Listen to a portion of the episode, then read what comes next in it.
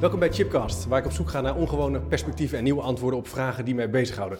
En vandaag staat er nogal ongewone vraag centraal. Kunnen we nog niets doen? Is het mogelijk om ons handelen en ons denken uit te stellen en er gewoon te zijn?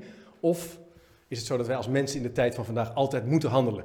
En die best wel principiële filosofische vraag ga ik uh, verkennen met Dirk van Ja. de Pol. Goed dat je er bent. Ja, fijn om hier te zijn. Ja, Je bent er, dus je hebt, niets, je hebt al wel iets gedaan. ik heb iets gedaan en ik heb niets voorbereid. Dus Nee, het is dus een beetje eh, een combinatie van Ja. eh, iets en niets doen. Van Ja, loslaten en...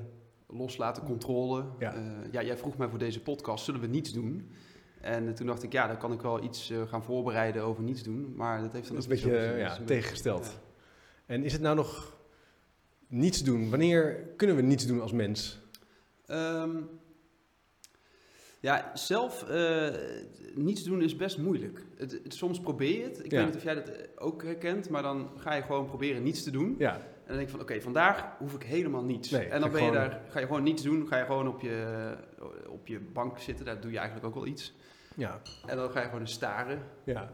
En dan zit je dan. En dan denk je van, ja, ik ben nu niets aan het doen. En toch denk ik na. Maar ik ben niets aan het doen. Nee. En ehm, eh, het grappige is dat je al heel snel denkt, kut, ik moet iets doen. Ja, dit is niet goed. Dat is niet goed. Ja, Zei ik? Oh, ik zei je zei, je zei het woord. Ja. Dan piep- piepen we gewoon eruit. ja. Nou ja, misschien dat, ze er wel, dat de luisteraar er wel Nee, tegen kan. Het is een geen, eh, geen eh, commerciële of publieke omroep. Dus in die Nee, dat zin hebben we wat meer ruimte. Maar zou het kunnen zijn dat we dus denken dat, we, dat niets altijd voortkomt uit iets?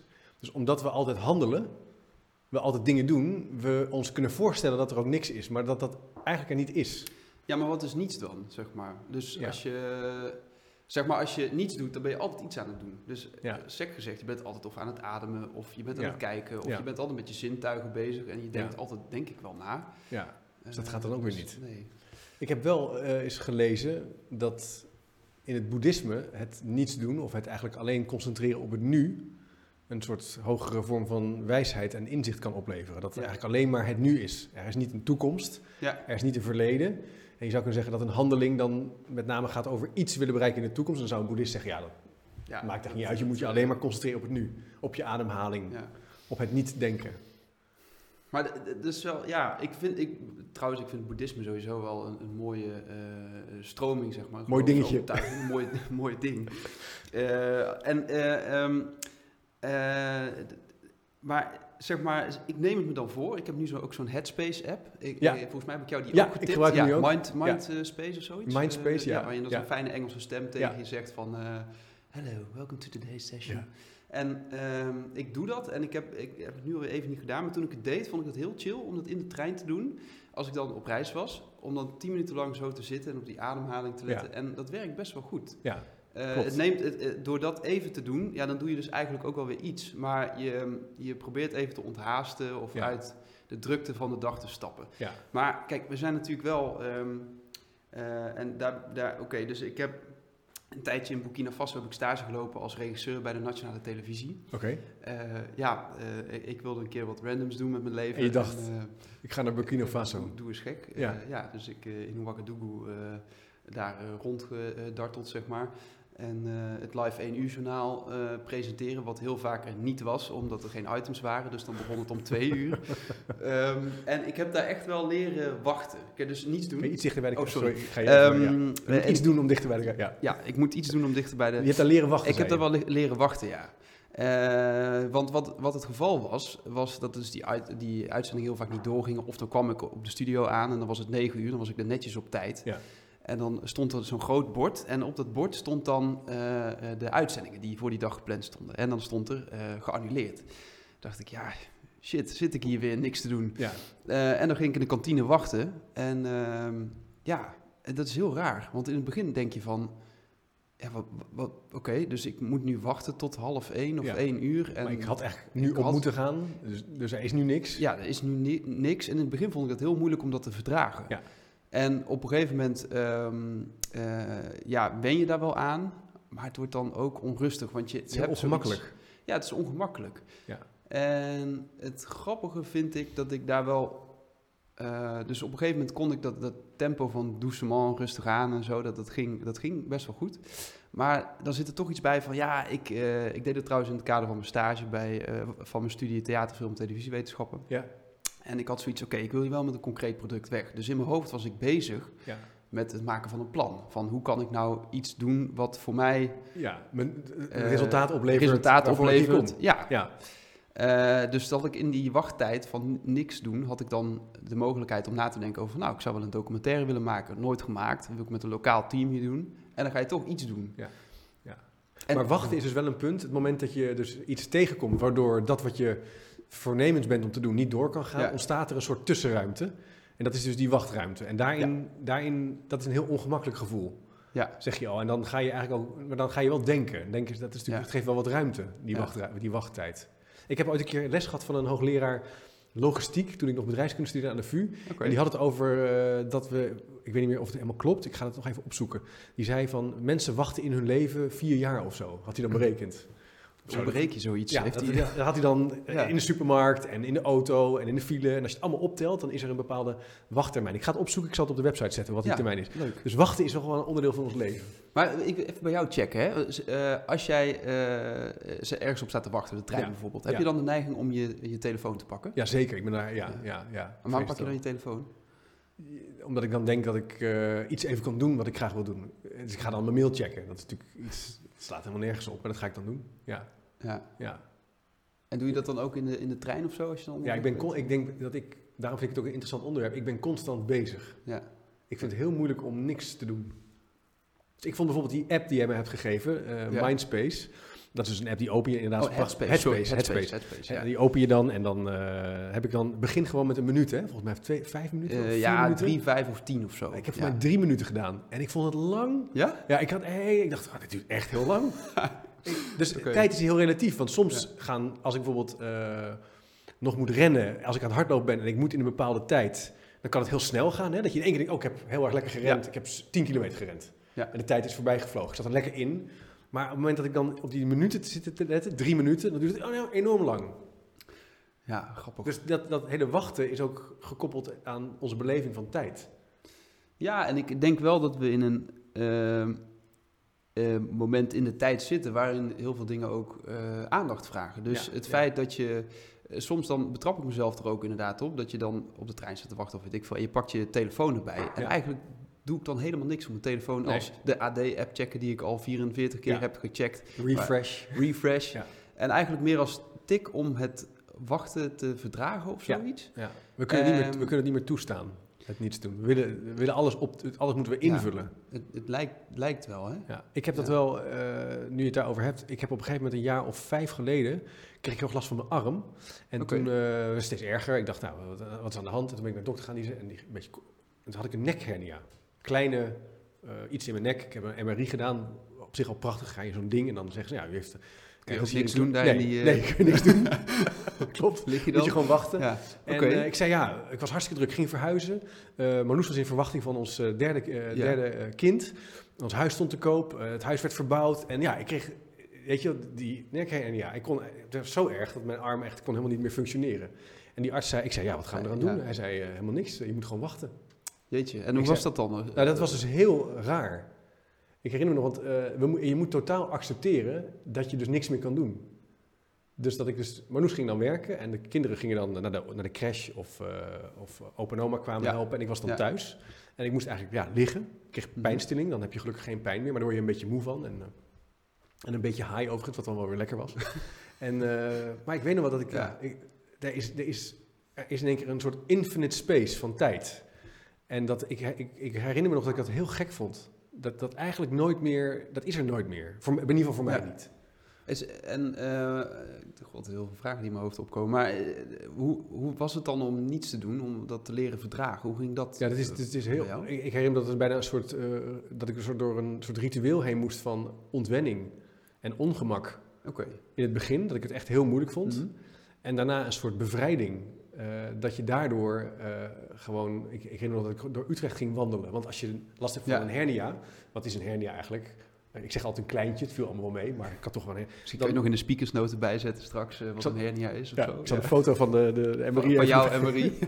Maar ja, wandelen kan wel. Dus ik ging heel rustig wandelen. En dan wandelde ik door Utrecht. En Utrecht is prachtig. Ik woonde Ja. toen nog in de binnenstad. Ja, je ziet dan ook allerlei andere dingen. Maar de, de, de wandeling is de activiteit. Er is niet meer. Je doet dan wel Nee. iets, maar het hele denken, het hele werk, het mailen, het...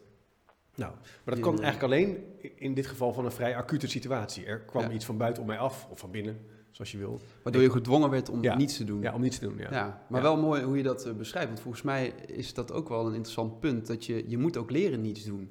Dus Ja, het absoluut. begint bij eh, het ja, onthaasten, ontwennen. Of Ja. eh, het is bijna een soort afkikverschijnsel Ja, wat je hebt. Om dat dan ook. pas andere dingen te kunnen Ja, zien. denk ik zeker. Je hebt Ja. ook wel bij De Wereld Draait Door, op een gegeven moment heb je die Rijnbert de Leeuw, dat is die dirigent. Ja? Die had op een gegeven moment een stuk in de uitzending waar acht minuten stilte in zit. Kun je Oké, dat zal ik even niet op gezien, maar, YouTube eh, linken. Ja. Ja. En dan durven ze het dus aan om, om, volgens mij is het acht minuten of zeven minuten. En die stilte heeft een functie, ook in het stuk. Stilte heeft sowieso natuurlijk in muziek een belangrijke functie. Dat, Mhm. En eh, dan laat het ook stil zijn. En dat is heel ongemakkelijk. Ja. Dat, eh, en dat zie je natuurlijk ook wel bij managementteams of bij, bij, bij leerkrachten als je ze uit het werk interviewt. Dat het, ja, naarmate je soms minder concreet kan worden, ontstaat ongemak. ja. Ja, dat is... Dat, Dat is ja. dat niets is altijd gekoppeld aan iets. Dus als we Ja. dus dat anderen niet doen, dan is dat heel ongemakkelijk. Voor veel mensen, misschien niet Dus voor iedereen. ni- maar- niets is er doordat er iets is. ja, dat eh, zou ik wel denken, ja. Het is een beetje Star Ja. Wars, de, de dark side en de, Ja. de, de, de, de, de force en de dark side. Ja. Ze hebben, het, ze hebben elkaar nodig. Ja. Maar denk je dat eh, organisaties er baat bij zouden hebben om ook eens niets te doen? Hoe, wat zou er gebeuren als je een organisatie binnenstapt en je zou zeggen: jongens, we gaan vandaag eens niets doen? Nou, ik denk overigens wel dat veel organisaties gewoon heel eh, zinloze dingen doen. Dat ze dat wel doen. Ja, dus dat is een ander verhaal. Ja, ik, ik- je hebt natuurlijk, het is niet voor niks dat er een hele grote vraag is naar zingeving. Of dat, ik zit in de redactie van Management Site, dat er best wel veel artikelen ook wel gaan over reflectie, Mhm. tijd, ruimte. Eh, mensen zijn aan het, Nederland is aan het ontkerkelijken en tegelijkertijd zijn er heel veel mensen op zoek naar betekenisgeving. En dat speelt volgens mij ook wel in organisaties. En dat vind je, zeggen vaak mensen ook wel, Ja.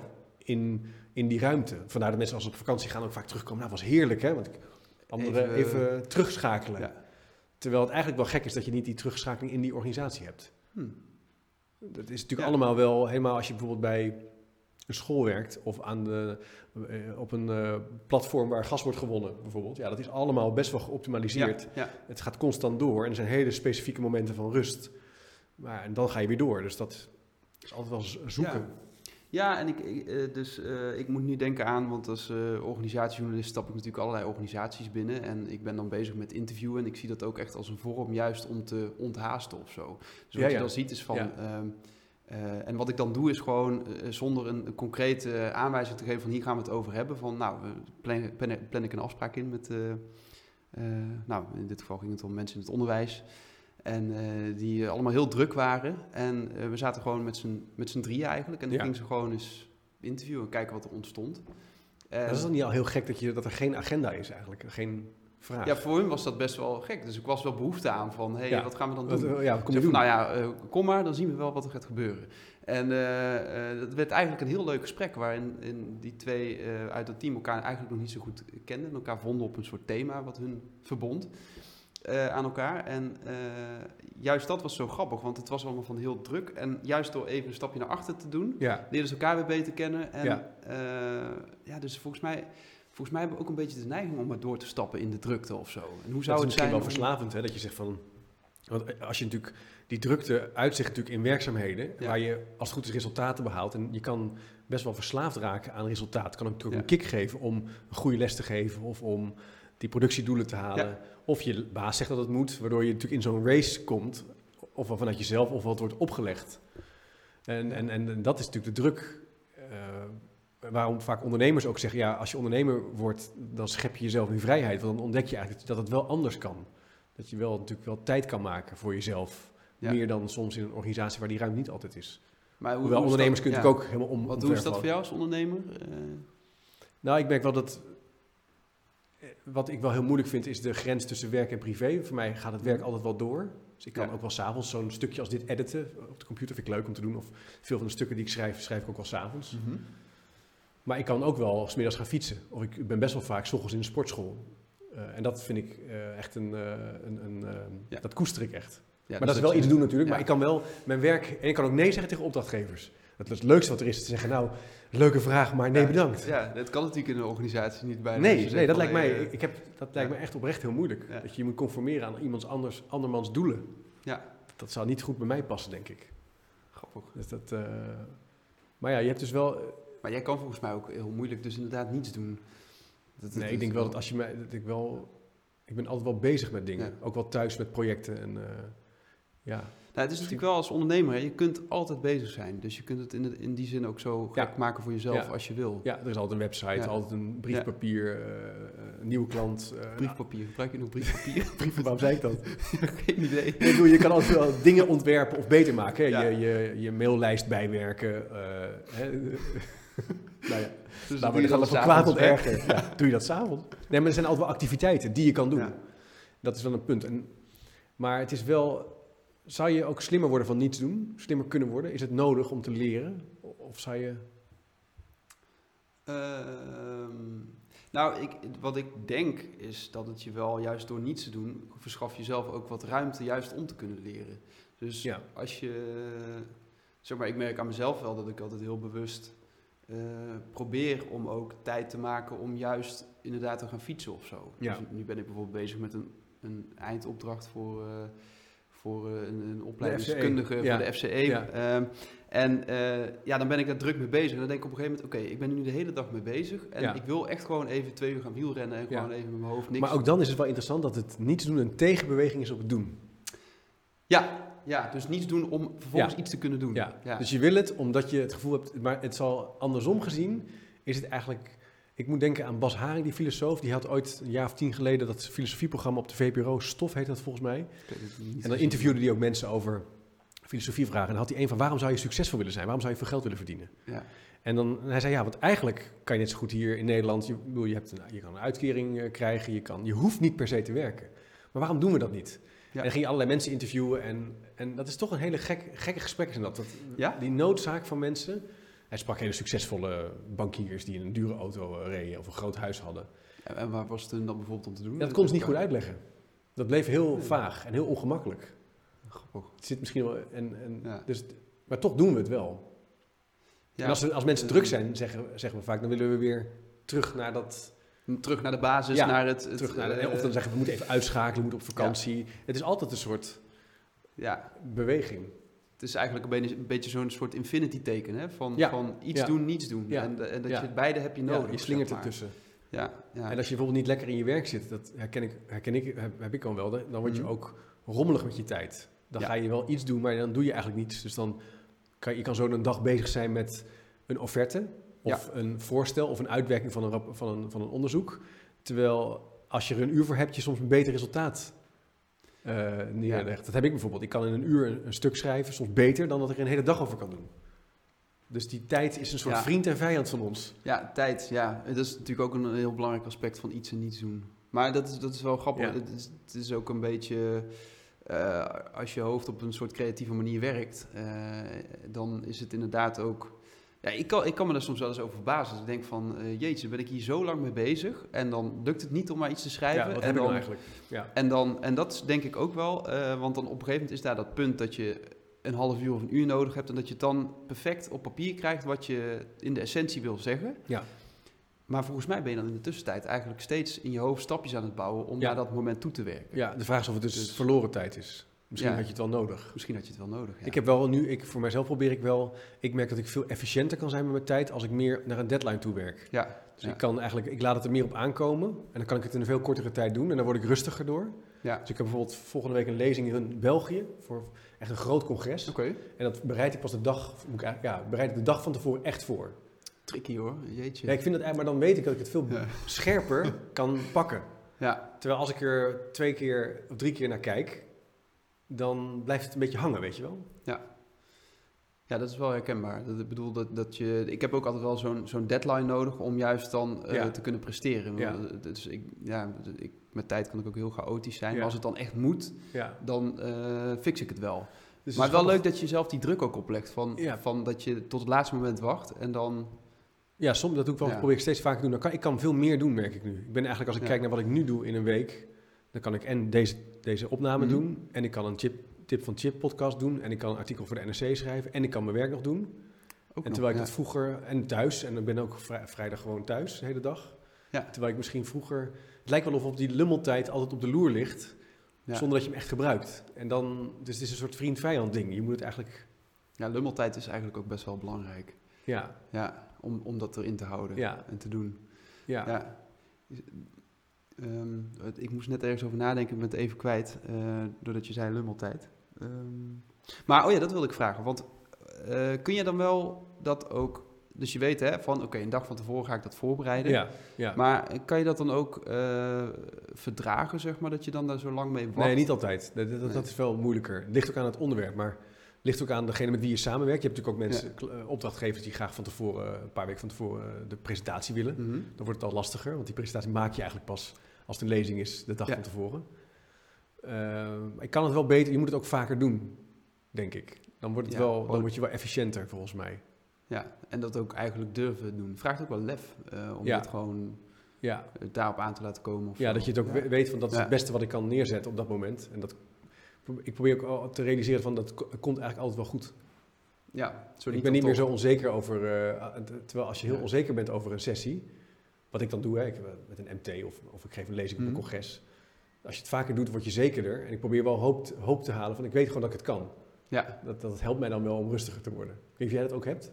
Interviews. Eh, ik kan Want het, ik kan interviews, het, ik kan het. Ja, kan. maar die interview is heel spannend, wat je net zei, maar dan heb je dus niks. Dat is heel Nee. kwetsbaar als jij binnenkomt als ook onderzoeksjournalist. Dat klinkt natuurlijk ook een beetje, wat is dat nou voor een rare term misschien? Dat mensen denken van, eh, Organisatiejournalist. Sorry, ja, organisatiejournalist. Dat, eh, ja, ja, dat, eh, ja, dat, hoor, je- dat krijg ik ook vaak te horen. Ja. Ja. Dus dat vraagt bij jou zo. herken je dat? Of? dan? Ja, zeker. Ja, ja. En ehm, het is, het is, en ergens probeer ik ook altijd wel in te bouwen dat je... Dus ik werk vaak wel met interviewleidraden of zo. Een soort van essentie van wat wil ik nou eigenlijk weten van iemand. Of wanneer ben ik tevreden met soort antwoord. Maar daarin moet wel alle ruimte zijn voor iemands denkproces of zo. Ja. Dus ik zie dat wel als de kunst van... Dat vind ik het, het verleidelijk aan interviewen. Je bent, eh, je, je, je, je bent eigenlijk, eh, hoe zeg je dat, eh, de ander aan het helpen om zijn of haar gedachten te structureren. ja. Dus je hebt een soort van vertrekpunt. Ja, En ondertussen moet je openstaan voor alles wat daar omheen gebeurt. ja, Ja. Dus, en dan stiekem kom je... eh, ja, volgens mij zegt eh, een collega van me, Remco, die zei dat wel eens van... Soms hoef je, n- ik weet niet hoe die dat nou zei, maar van als je één...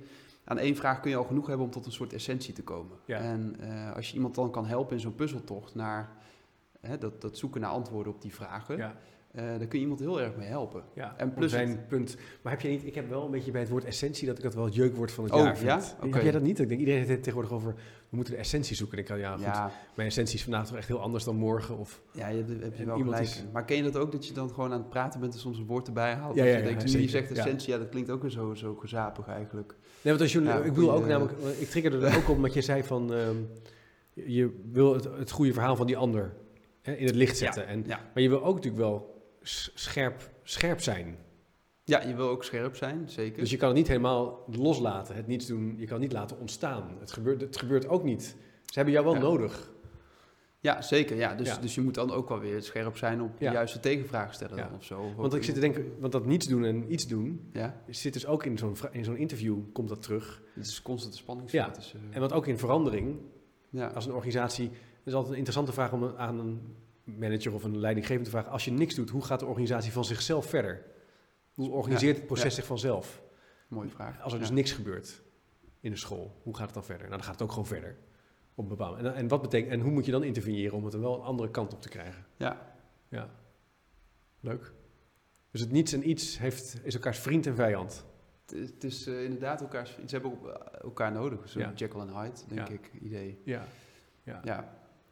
Ja, interessant. En het is ook wel een ongemakkelijk, eh, een ongemakkelijk woord vandaag de dag. Ja, ik, ja niets hè. Ik, ik heb bijna de neiging om te zeggen, zullen we eens één minuut niets doen? Eén minuut nu niets doen. Ja, gewoon één Dus minuut. dan moeten de luisteraars één minuut naar niets eh, luisteren en de kijker naar één minuut. Oké, is goed. En Gewoon kijken alleen. Oké. Ja. Ik ga niet jou dan aankijken. Oh, je gaat dat vind ik super ongemakkelijk. Ja? Dan ga ik waarschijnlijk lachen namelijk. Ja? Oké, maar ik ga Oh, maar dat, wel... dat is misschien wel leuk, want dan, dan heeft het nog misschien iets van effect. Dus ik doe al kijk met mijn kinderen doe ik altijd wie het eerst lacht. Ja. precies. Oké, we gaan het minuut doen. Oké.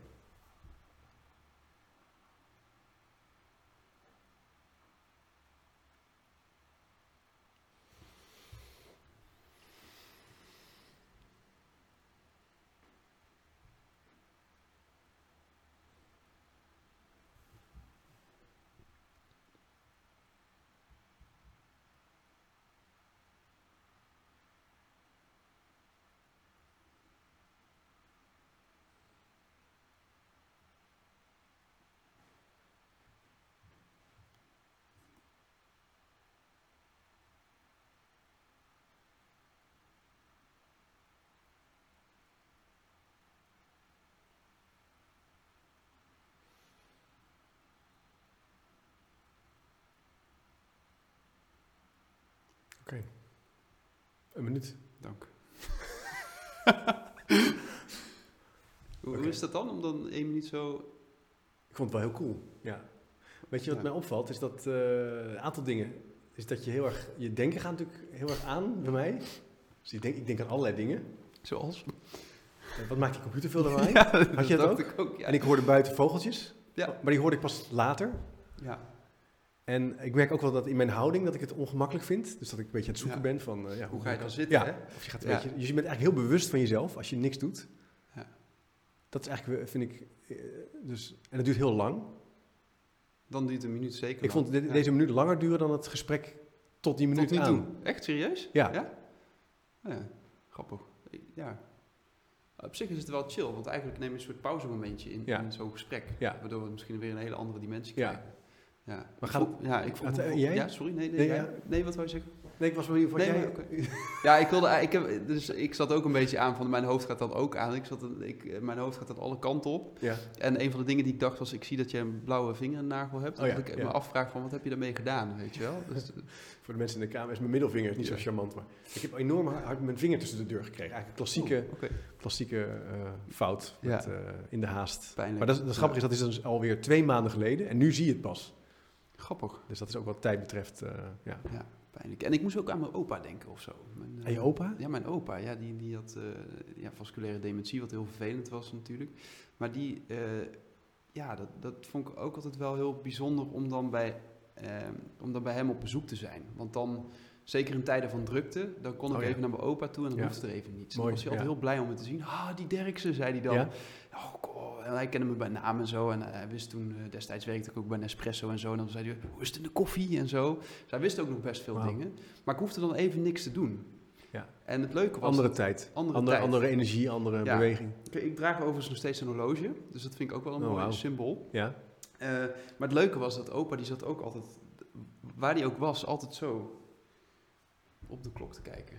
Hij was ook van de tijd. Hij was ook van de tijd, ja. ja. En terwijl dan op de achtergrond in zijn kamer die klok hoorde tikken, zo... tik- Toch keek hij op zijn klok. ja. Op dat horloge. Ja, Wat en mooi. ik, ik, eh, ik vond het eigenlijk altijd wel heel relaxed om daar dan even een half uur te zijn of zo. Of Ja. een uur of weet ik veel. Ehm, ja, en dan zag je wel wat er gebeurde. Soms had je een goed gesprek over vroeger en soms ook totaal was het in de niet. tijd dat, dat je opa al eh, ja, ziek begon te worden? Zou je dat zo mogen zeggen? Of al Ja, last begon te hebben? Of was het ook al daarvoor dat je, dat, dat je die ervaring had van die, van die andere tijd? Ja, dat, dan moet ik bijvoorbeeld denken, dat was altijd wel cool. Want eh, opa die kwam altijd met de blauwe kever ophalen thuis. En eh, dan ging ik dus naar opa en oma toe. Nou, dan gingen we dan in de tuin werken en dan gingen we smiddags naar het voetballen en Ja. zo. Ja. En er was altijd één moment bij, dat was na de lunch. En dan, eh, hij had dan een beetje zo zijn eigen man cave, zeg maar. En dan gingen we een uur rusten, zeg maar. Dat, is, dat vond ik vroeger als kind heel cool. Dan ging ik gewoon met mijn opa rusten, een uur. En dan ging je gewoon zitten of hij ging even liggen. Ja, hij ging zo in zijn lichtstoel, dan ging hij even een tukje doen. En dat deed je mee? Snurken. En ja, dan deed ik dat ook mee. Of ik had een eh, stripboekje bij me of zo. Ja, dat was wel wel heel lachen, Dus ja. je hebt dat niet te doen, nou, niet te doen in, niet in de mooie zin van het woord. Was dat al onderdeel van jouw ritme? Ja, ik vond het wel cool eigenlijk, ja. Het hoorde voor mij bij die dag ook of zo, als ik bij mijn opa en oma was. Ja, Bijzonder. grappig. Ik, heb, ik jij van mensen, heb jij mensen om je heen die, die eh, leren om niets te doen? van dat soort inspiratiebronnen? Goeie vraag. Ik, denk, ik herken wel heel erg die andere energie bij mijn ouders thuis. Of eh, als ik... eh, ik heb vroeger eh, heel veel met Simon van der Veer, die jongen wie ik ook het sprookjesboek heb geschreven. Gingen we altijd sporten bij hem thuis. En bij zijn ouders wa- waren we heel veel ook om te studeren. Ja, En daar was het ook altijd rustig. Dus dat, hij, dat beeld heb ik er, dat, dat, daar associeer ik het meteen mee, van een andere energie. Maar ik moet ook wel daar, daarvoor denken aan, ehm, toen ik nog kleiner was, dat je eigenlijk niet bezig was met iets of niets. Hm. Dan was je er gewoon. Ja, Je deed, je deed, je, je deed wat je deed. gewoon in het hier en nu. Ja. En, Het reflectievermogen op wat je deed, waar wij Ja. dit gesprek natuurlijk ook een beetje over gaat, dat had ik toen helemaal Ja. niet. nee. Ik ging gewoon vissen en dan was ik aan het vissen. ja. Of- En dan ging ik daarna, ja, ging spelen. Ik was al, dus dat, daar, Heb je dan ook een beetje dan in het hier en nu, of gewoon überhaupt in de tijd van nu, dus los van dat je nu niet aan het vissen bent, maar ik bedoel gewoon in het, ja. deze tijd, dat je dan ook wel eh, eh, ja, kritisch nadenkt op, ben ik dan zinvol bezig of zo? Herken je Ja. dat?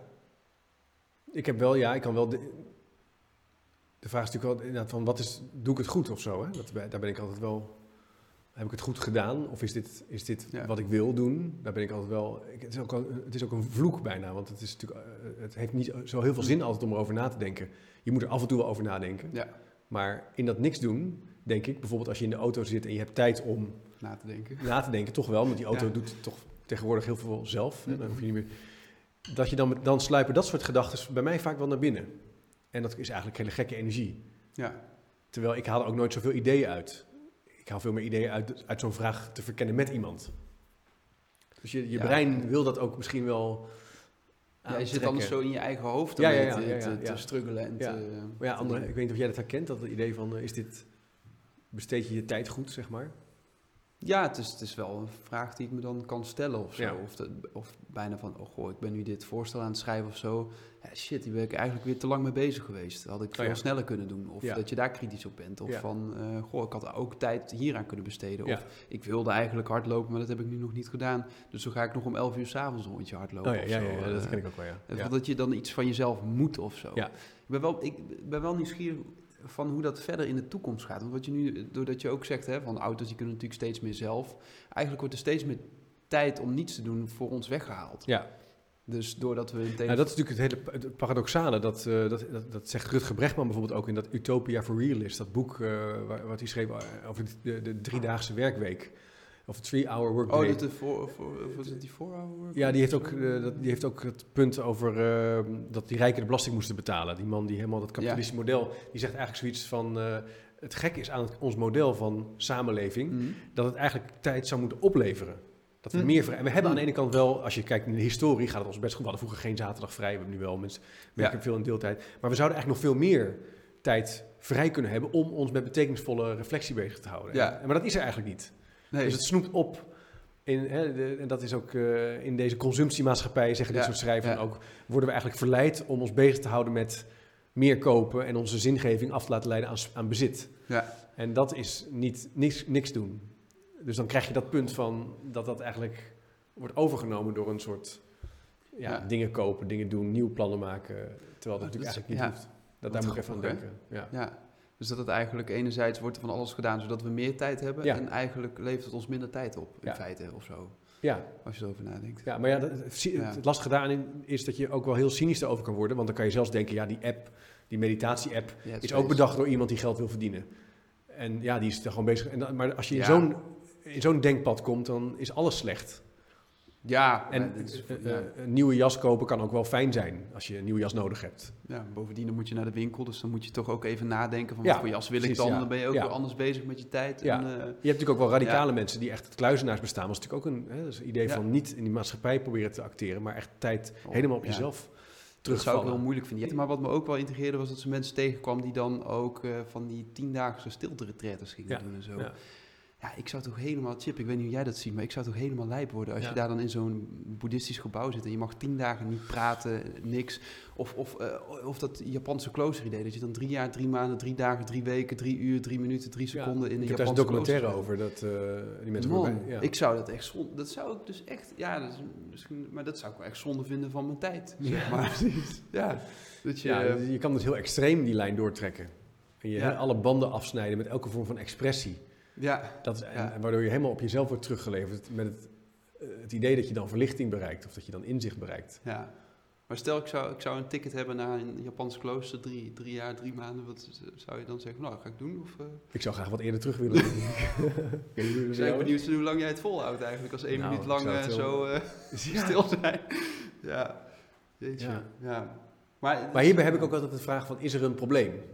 Dus de aanleiding, moet je dit doen omdat, als ik, als ik het zou willen, als iemand het zou willen, zou ik denken, lekker doen. Ja, lekker doen. Ja, daar zit ook helemaal geen oordeel op, Nee, hè? Maar nee, precies, nee, ik dat ik zit meer op mezelf te kijken ja, ja, van- nee, maar dat zou voor mij, ja, ik denk, ik zou het heel ongemakkelijk vinden. Ja, Dat is, ja. ja. Ja, leuk. grappig zeg. Ja, ik zou dat wel echt... eh, ik, zou dat niet, ik zou dat denk ik heel slecht trekken. Eh, Ja. En misschien dat je het op een gegeven moment wel leert verdragen of zo, maar... En zeker ook als je dan weer terug die wereld instapt, hoe is dat Ja. dan? Hoe heeft terugkomend op een Burkina-avontuur, daar heb ik wel echt leren wachten. Dus Ja, leren wachten, ja. zei, ja.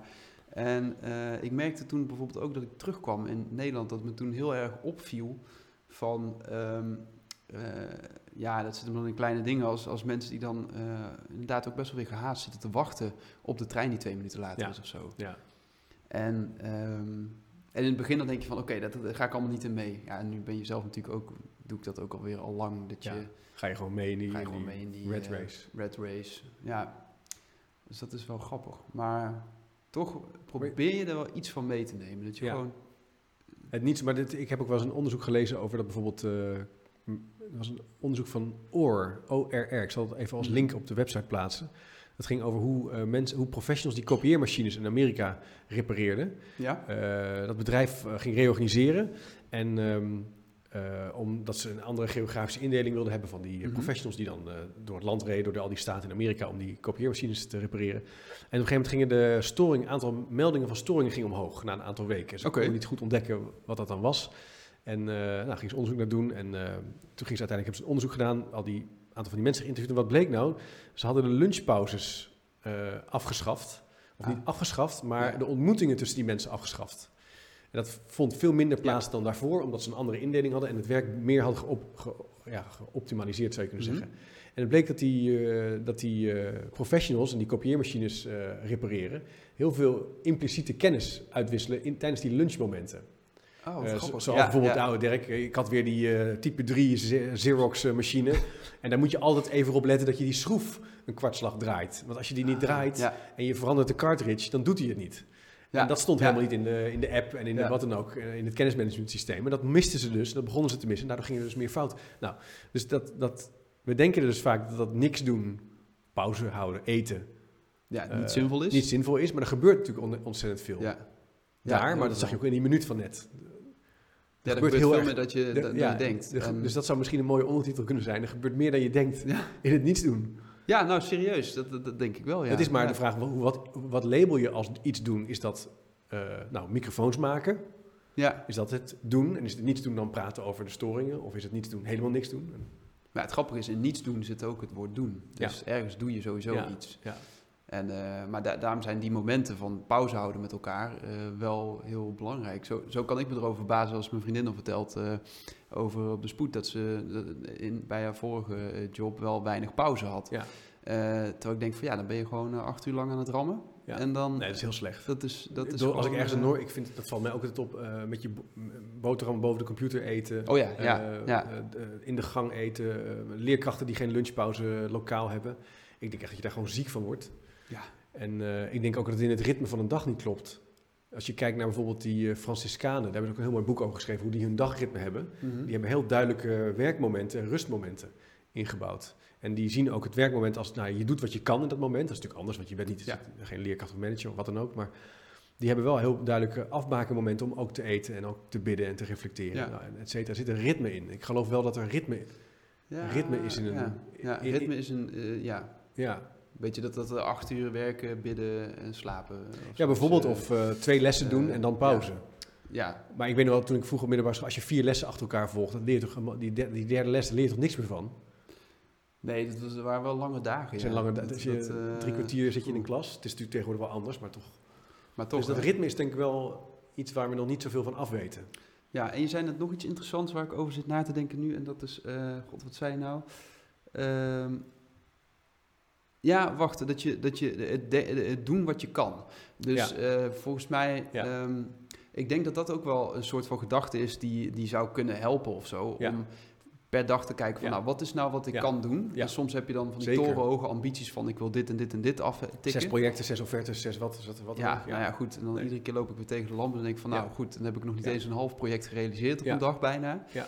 Maar als ik denk van, oké, ik ga gewoon dit doen en ik kijk hoe ver ik kom. En dan, dan heb ik voor deze dag eh, Ja. echt alles, eh, ja, voor dat Dan moment alles gedaan. Dan is het goed. en Ja. daarna mag ik met belangrijke dingen... Nee, Ja. dat is goed. Dat is natuurlijk ook belangrijk. Hè? Nee, maar ik herken Ja. dat. eh, Dat vraagt ook een zekere vorm van discipline. Ja, Want dat zie je natuurlijk ook bij die, die Franciscanen, maar ook eh, die boeddhisten, dat die een bepaalde vorm van discipline omarmen in hun ritme. Ja. Ik denk dat dat een van de meest onontgonnen terreinen is in de, in de organisaties. Dat is eh, ritme en structuur op een manier die ruimte geeft in plaats van dat die beklemmend werkt. Ja, en alleen maar meer Ja. is van hetzelfde. Ik verbaas me ook over waarom kinderen op een basisschool geen, niet met elkaar lunchen. Oh, Waarom is is dat zo? Nou ja, ze lunchen wel, maar het gaat allemaal tegenwoordig. eh, ik heb daar een stukje over geschreven. Lunchtijd, lestijd. Het is tegenwoordig op veel scholen zo dat kinderen in de klas lunchen, omdat ze heel veel moeite hebben om een uh, overblijfouder te Oh, vinden of ja? een overblijfbedrijf te vinden. Nou, dan gaat de school-tv aan, dan, dan eet ze dus met een bord op schoot. Op schoot. Gewoon Niet op alle klas. scholen, maar het gebeurt ja, in Ja, de klas. Ja. Minder tijd om echt te spelen, minder tijd om echt eh, te eten. Dus daar begint het eigenlijk al. Ik was op een school in, eh, bij Purmerend, een Noorderschool. En daar gaan alle kinderen met elkaar, dekken ze de tafel. En dan gaan ze met elkaar eten. Dus Ja. hebt kinderen die echt de maaltijd voorbereiden, het afruimen. Klinkt heel idyllisch, Ja. maar er zit iets in van Van niks doen, van en- leren. Als dat iets doen is, nou niks doen naar met elkaar, is natuurlijk ook iets doen. Hè. Maar Ja. wel dat er iets is van een ritme en een structuur. En is er dan ook iets van, van eh, het effect daar, daarvan, doordat eh, als het niet gebeurt met eh, Ja. leerlingen, zie je daar ook dan effect van? Of wat is het effect Dat, in, in, die, eh, in die keuzes rondom het... Dit gaat dan over het continu rooster, wat wordt Ja. geïntroduceerd. Of het vier dagen gelijk model, waarin kinderen dus van, negen, of van, van half negen tot twee naar school gaan. Mhm. Kort naar school zonder overblijven. Daar zijn beperkte studies naar gedaan waarin de leerkrachten het prettiger vinden. Mhm. Dat is op zich ook wel te begrijpen, omdat er geen overblijven zorgt ook voor een discontinuïteit. Dus kinderen moeten eigenlijk van de leerkracht over worden gedragen naar jou als overblijf. Ja. Over, Jij hebt niet de orde en overzicht en de, misschien de invloed op kinderen die een leerkracht Ja. heeft. Er gebeuren dingen dus, hè. er wordt wel gepest. En wordt, nou, dus dat merken leerkrachten. Maar er is nog geen onderzoek gedaan naar wat het doet met kinderen in termen van beweging, eh, tijd om te Hm. eten en ook of ze ook een bord leeg eten. Wat wij bijvoorbeeld wel veel zien bij, bij onze kinderen, maar ik zie het ook op andere scholen, dat ze minder eten. Dat de Oh ja, ook dat lunchtrommels nog, wel ja, eens ja. vol terugkomen. Nou, dat is allemaal geen halszaak, maar er zit iets in. Als je Ja. het over niets doen, Ja, ik zit En- dan gelijk te denken aan hoe lekker ik dat vroeger vond na het overblijven om dan even een, een balletje te trappen en dan ging je daarna de les weer in. Ja. Juist om weer Ja. even wat eh, Ja. headspace te hebben Ja, eigenlijk. nou ja, dat is wel een punt. En, dat, en daaronder is de oorzaak natuurlijk dat het onderwijs sterk ondergefinancierd wordt. Dat het Ja. allemaal, eh, dat, dat dat allemaal economisch wordt benaderd. Waardoor ja, het heel moeilijk is voor veel scholen om dat soort tijd eh, te Hm. maken. Dus dat moeten we maar eens gaan doorbreken. Ja, gewoon... meer eh, tijd, meer headspace. Te doen, headspace, ja. En, er gebe- en er misschien met als ondertitel, er gebeurt meer dan je denkt. Wat ook wel grappig is, ik, ik heb, eh, vroeger wilde ik altijd acteur worden en eh, toen heb ik eh, ehm, eh, eh, veel toneellessen gehad en ik heb de vooropleiding van de toneelschool Ja, want je hebt toch ook toneelstukken wel gespeeld en zo? Ja, ook, ja, Ja. zeker, ja. En ik heb onder andere het stuk Wachten op Godot gedaan met mijn toneelgroep De Hete Heren. Eh, Een goede naam. Ja, goede naam, ja. eh, dus we maken ook zeker serieuze stukken. Maar dat deden we, eh, gingen we letterlijk een kwartier uit Wachten op Godot spelen. En Wachten op Godot, ja, dat is een stuk dat gaat over in feite niets. Ja. Mensen die wachten op Godot. Maar ja, wie of wat het is, je, daar kom je Nee, het nooit is achter. niet daar, nee, nee. En mensen vonden het ongemakkelijk in die zaal, Ja. jongen. Dat was echt Ja. zo grappig. Echt, eh, ja, van, ja, waar, waar gaat het nou gaat over? maar dit is dus weer dat punt, als er dus niks is, of als het onduidelijk is wat Ja. er gebeurt of waar ik voor kom, Ja, wordt het ongemakkelijk. ja, Ik moet denken, ik heb ooit een keer bij eh Kessels en Smit, toen ik, daar, eh, ik heb daar natuurlijk een lange tijd gewerkt, ging Ja. naar Zuid-Afrika. En daar, eh, omdat daar ook collega's waren, en daar was Mark, ik ben even zijn achternaam kwijt, Mark uh, Turpin. Turpin. Ja. En die had een opdracht in het begin, eh, gaan we allemaal bij elkaar. En dan zei hij van, nou, had hij, gaf iedereen een rozijn. Oké. En hij zei, nou, rozijn, en hij rozijn. En hij zei, nou, Je had hem natuurlijk al opgegeven, Ja. weet je, want jij, jij kon het toch. hij zei van, eh, voordat we begonnen, we hadden niks gedaan. Iedereen. Hij zei, pak de rozijn en hou hem tussen je vingers en, en voel hoe die voelt. Nou, dan zit je zo en dan, en dan hoor hem eh, bij je oor, hou hem bij je oor. En nou, luister ernaar, weet je wel. En nou, kijk er nog eens naar, ruik ernaar. En dan moet je hem daarna opeten. Dus om heel bewust die rozijn te bestuderen. Ja, dus Dat is ook een eh, vage oefening ja, die ik super ongemakkelijk vond. ja, Omdat ik denk, ja, rozijnen voelen, weet je wel. Maar wat wel iets doet met dat niks doen en die tussentijd. Het Ja. doet iets wat je niet verwacht. Je denkt, we gaan aan het werk, we gaan elkaar met elkaar dingen uitwisselen en dan doe je zoiets. ja. Wat je maar niet het verwacht. is wel iets wat ik heb onthouden. En ik herinner me nog wel dat gevoel en het geluid Grappig. Ja. van, dat, van die rozijn. Dat doe je natuurlijk nooit. Nee.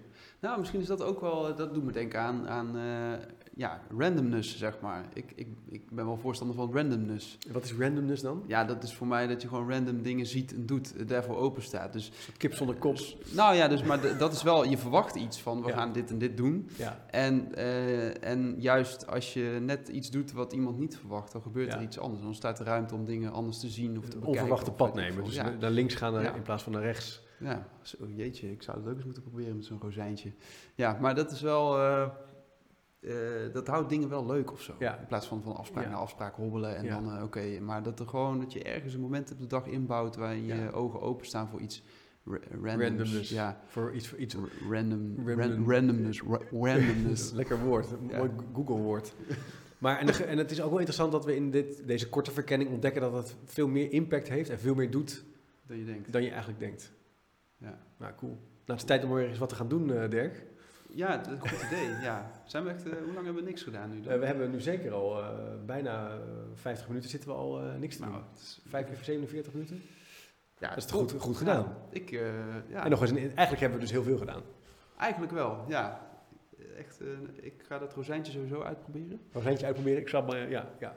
ik zal hem op de speakersnote zetten. Voor mij is er een opdracht met een aantal vragen die je kan stellen. Dus die zal ik er wel even bijzetten. Leuk. Leuk Dirk. Nou, ik zou voor nu zeggen, beste luisteraar en kijker, ik hoop dat je een leuke chipcast hebt meegemaakt. Een ongewone chipcast over niets doen, of het er nog toe doet, of het nog mogelijk is en kan. Ehm, met Dirk van der Pol, bedankt voor het luisteren en kijken. En tot de volgende keer maar weer.